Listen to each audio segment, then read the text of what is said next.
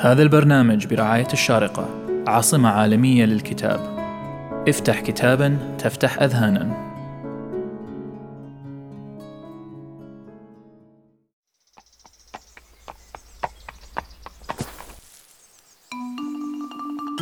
أنا سأحدثكم عن قصص جحا. لا لا تسرحت يا شلهوب. أحتاج لأن أجمع أفكاري. أنا شلهوب. شلهوب حمار جحا. أتعرفون جحا؟ هو حكيم الحمقى وأحمق الحكماء. قصصه لا تخلو من الذكاء والحكمة وفي بعض الأحيان من الحماقة. ولكن من أين أبدأ؟ أوه تذكرت واحدة. هذه قصة عن العدالة. وكيف استطاع جحا أن يدفع أجر شاب دون أن يخسر درهما واحدا. ذات يوم كنت أنا وجحا نحضر أنفسنا لنذهب إلى السوق لشراء بعض الحاجات التي طلبتها كريمة من جحا. وذلك تحضيرا لزيارة عائلة كريمة مساء ذاك اليوم. وما أن وصلنا إلى بوابة البيت وإذا رجل يركض تجاهنا ينادي جحا. ومن خلفه رجل آخر يسير بخطى ثقيلة ويبدو عليه التعب والإرهاق. فقال الرجل الأول جحا انتظر يا جحا. تفاجأ جحا بوجود هذين الغريبين ولكنه وقف عند دخلة البيت ينتظرهما. كان الرجل الأول اسمه فادي وكان شابا في العشرينات مهندما وأنيقا. والثاني كان اسمه جلال حطاب القرية وكان رجلا في أواخر الخمسينات لباسه قديم ومهترئ وبدا عليه الانزعاج وكأنه قد سئم من فادي جحا أحتاج مساعدتك. أنا مظلوم. مرحبا جحا. كيف حالك؟ أعتذر عن هذا الإزعاج. آه خمنت أننا لن نذهب إلى السوق قريبا لأنه وقبل أن يجيب جحا وبسرعة فائقة دون أن يلتقط أنفاسه. بدأ فادي بالشكوى لجحا من جلال وهو يشير إليه بإصبعه دون أن يفسح المجال لجلال لكي ينطق بكلمة واحدة. جحا هذا الرجل مدين لي بالمال. قل له أن يعطيني إياه. إنه يحاول أن يسرقني. هذا شيء غير معقول. يجب عليك أن تساعدني يا جحا. يا كذاب أنا لا أدين لك بشيء. تخميني كان صحيحا. آه فجلست لأرتاح على العشب لأستمتع بسماع المجادلة التي كانت على وشك الابتداء. يا ليتها كانت معي جزرة لأكلها خلال العرض. قبل أن يرد فادي على جلال رفع جحا يده طالبا السكوت. ثم قال سأساعدكما على حل نزاعكما. ولكن قبل أن نبدأ تفضلا اجلسا وسأحضر القهوة. بدت ملامح الامتنان تظهر على وجه جلال فكان مرهقا وأراد أن يجلس ليرتاح فأدخلهما جحا وأجلسهما في حديقته. جلس فادي على أحد كراسي الحديقة باستياء مكتوف الأيدي دون أن ينظر إلى جلال. الذي بدوره جلس. وذهب جحا للمطبخ. وأخذت أنا أفكر بما قد فعله جلال لإزعاج هذا الشاب إلى هذه الدرجة. فعاد جحا حاملا إبريق القهوة وثلاثة فناجين. وكم كانت رائحة القهوة شهية. ولكن جحا يمنعني من شربها لأنه يعرف جيدا أنني إن شربت القهوة لن أستطيع النوم في الليل. صب جحا القهوة ببطء وفادي كان يبدو وكأنه على وشك الانفجار. ولكنني أعتقد أني رأيت ابتسامة خفيفة ترتسم على وجه جحا. أكان يقصد التمهل يا ترى؟ ثم وضع فنجانا أمام جلال وآخر أمام فادي وأخذ فنجانا له. ثم جلس معهما وأخذ يحتسي القهوة وقال أرأيتما؟ هكذا نهدئ أعصابنا قليلا قبل أن نتهور فالمشاكل لا تحل بالتهور نظر فادي إلى جحا بنفس نظرة الاستياء التي لم تترك وجهه منذ أن وصل. فتح فمه للتحدث ولكن قبل أن يقول كلمة قاطعه جحا قائلا. اشرح لي أولا يا فادي. ماذا حدث؟ إن كان جلال مدينا لك بشيء فستحصل عليه بالتأكيد. فجلال رجل أمين لا يضيع عنده حق.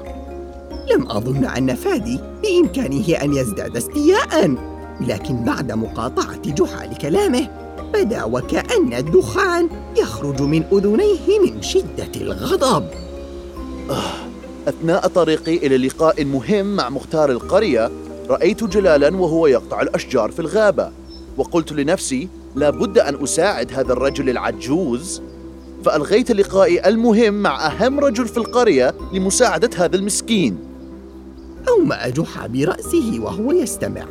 ولكن بدأ وجه جلال يحمر من الغضب ولم يستطع السكوت وتدخل. يا لك من مخادع أيها الآفة. لم يفعل شيئا يا جحا. هيا قل له كيف ساعدتني. اهدأ اهدأ يا صديقي. لنستمع إليه. أحسنت يا فادي.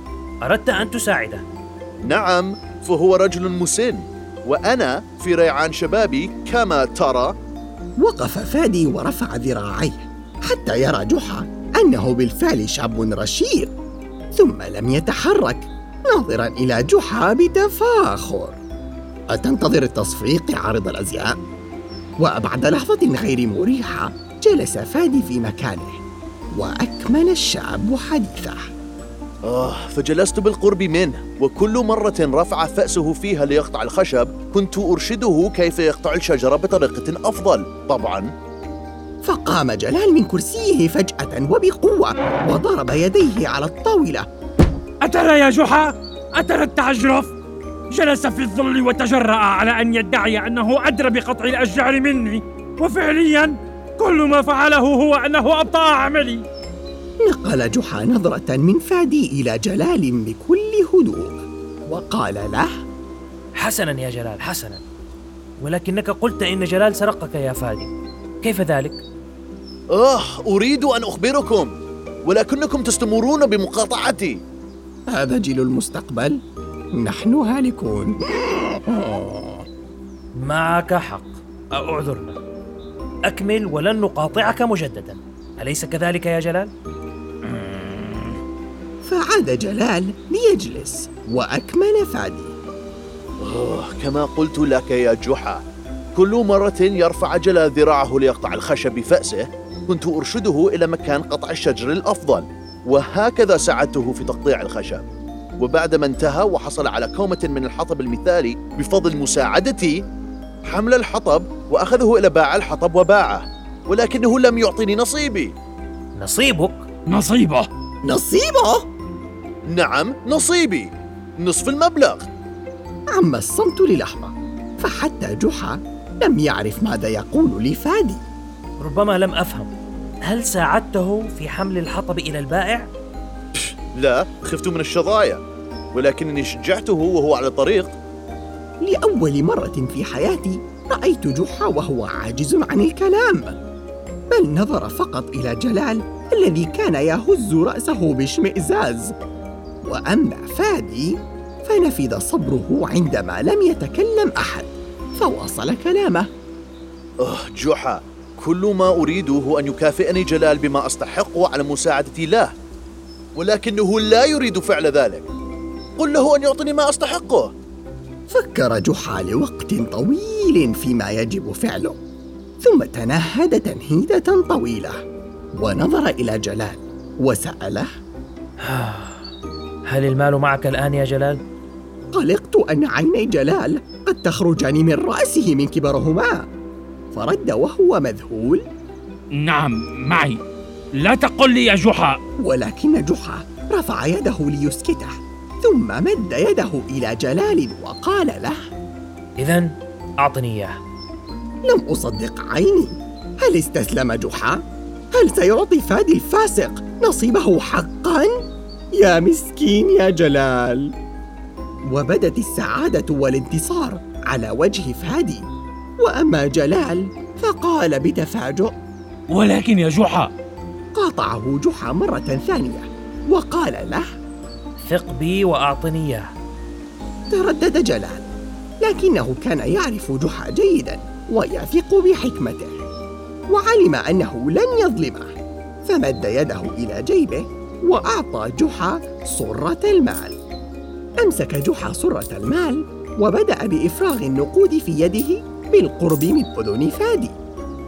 ومع كل عشرة دراهم تقع من السرة إلى يده كان يعد جحا بصوت عال المبلغ الذي في يده حتى أفرغ نصف السرة عشرون ثلاثون وعندما انتهى خمسون سأل جحا فادي بكل هدوء. هل سمعت صوت الدراهم وهي تقع؟ وسمعتني أعد المبلغ؟ فجاوب فادي بكل حماس. نعم سمعته فهو نصف ما أخذ جلال وهذا منصف. إذا أخذت نصيبك على الرحب والسعة. اختفى الحماس من وجه فادي بسرعة البرق. نعم.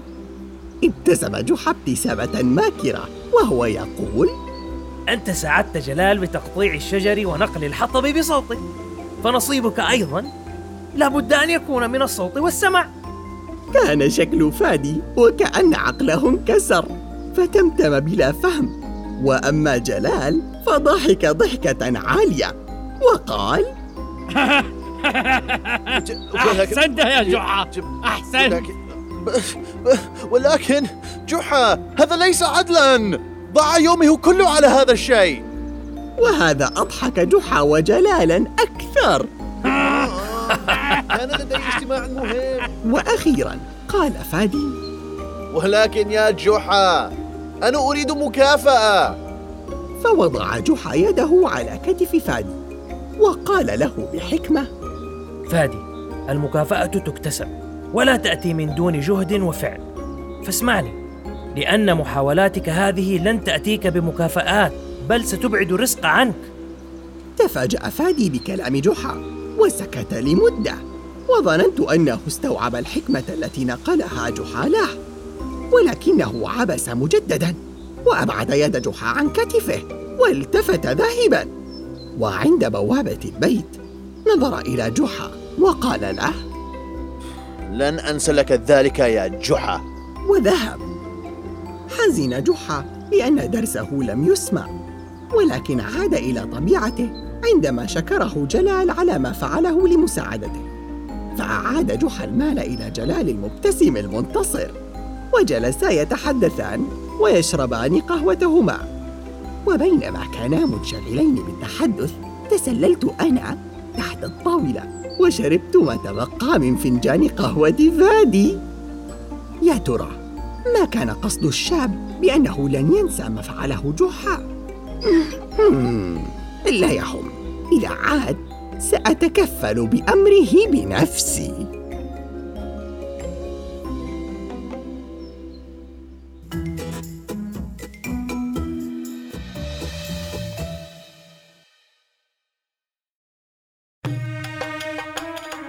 هذا البرنامج برعاية الشارقة عاصمة عالمية للكتاب. افتح كتابا تفتح أذهانا.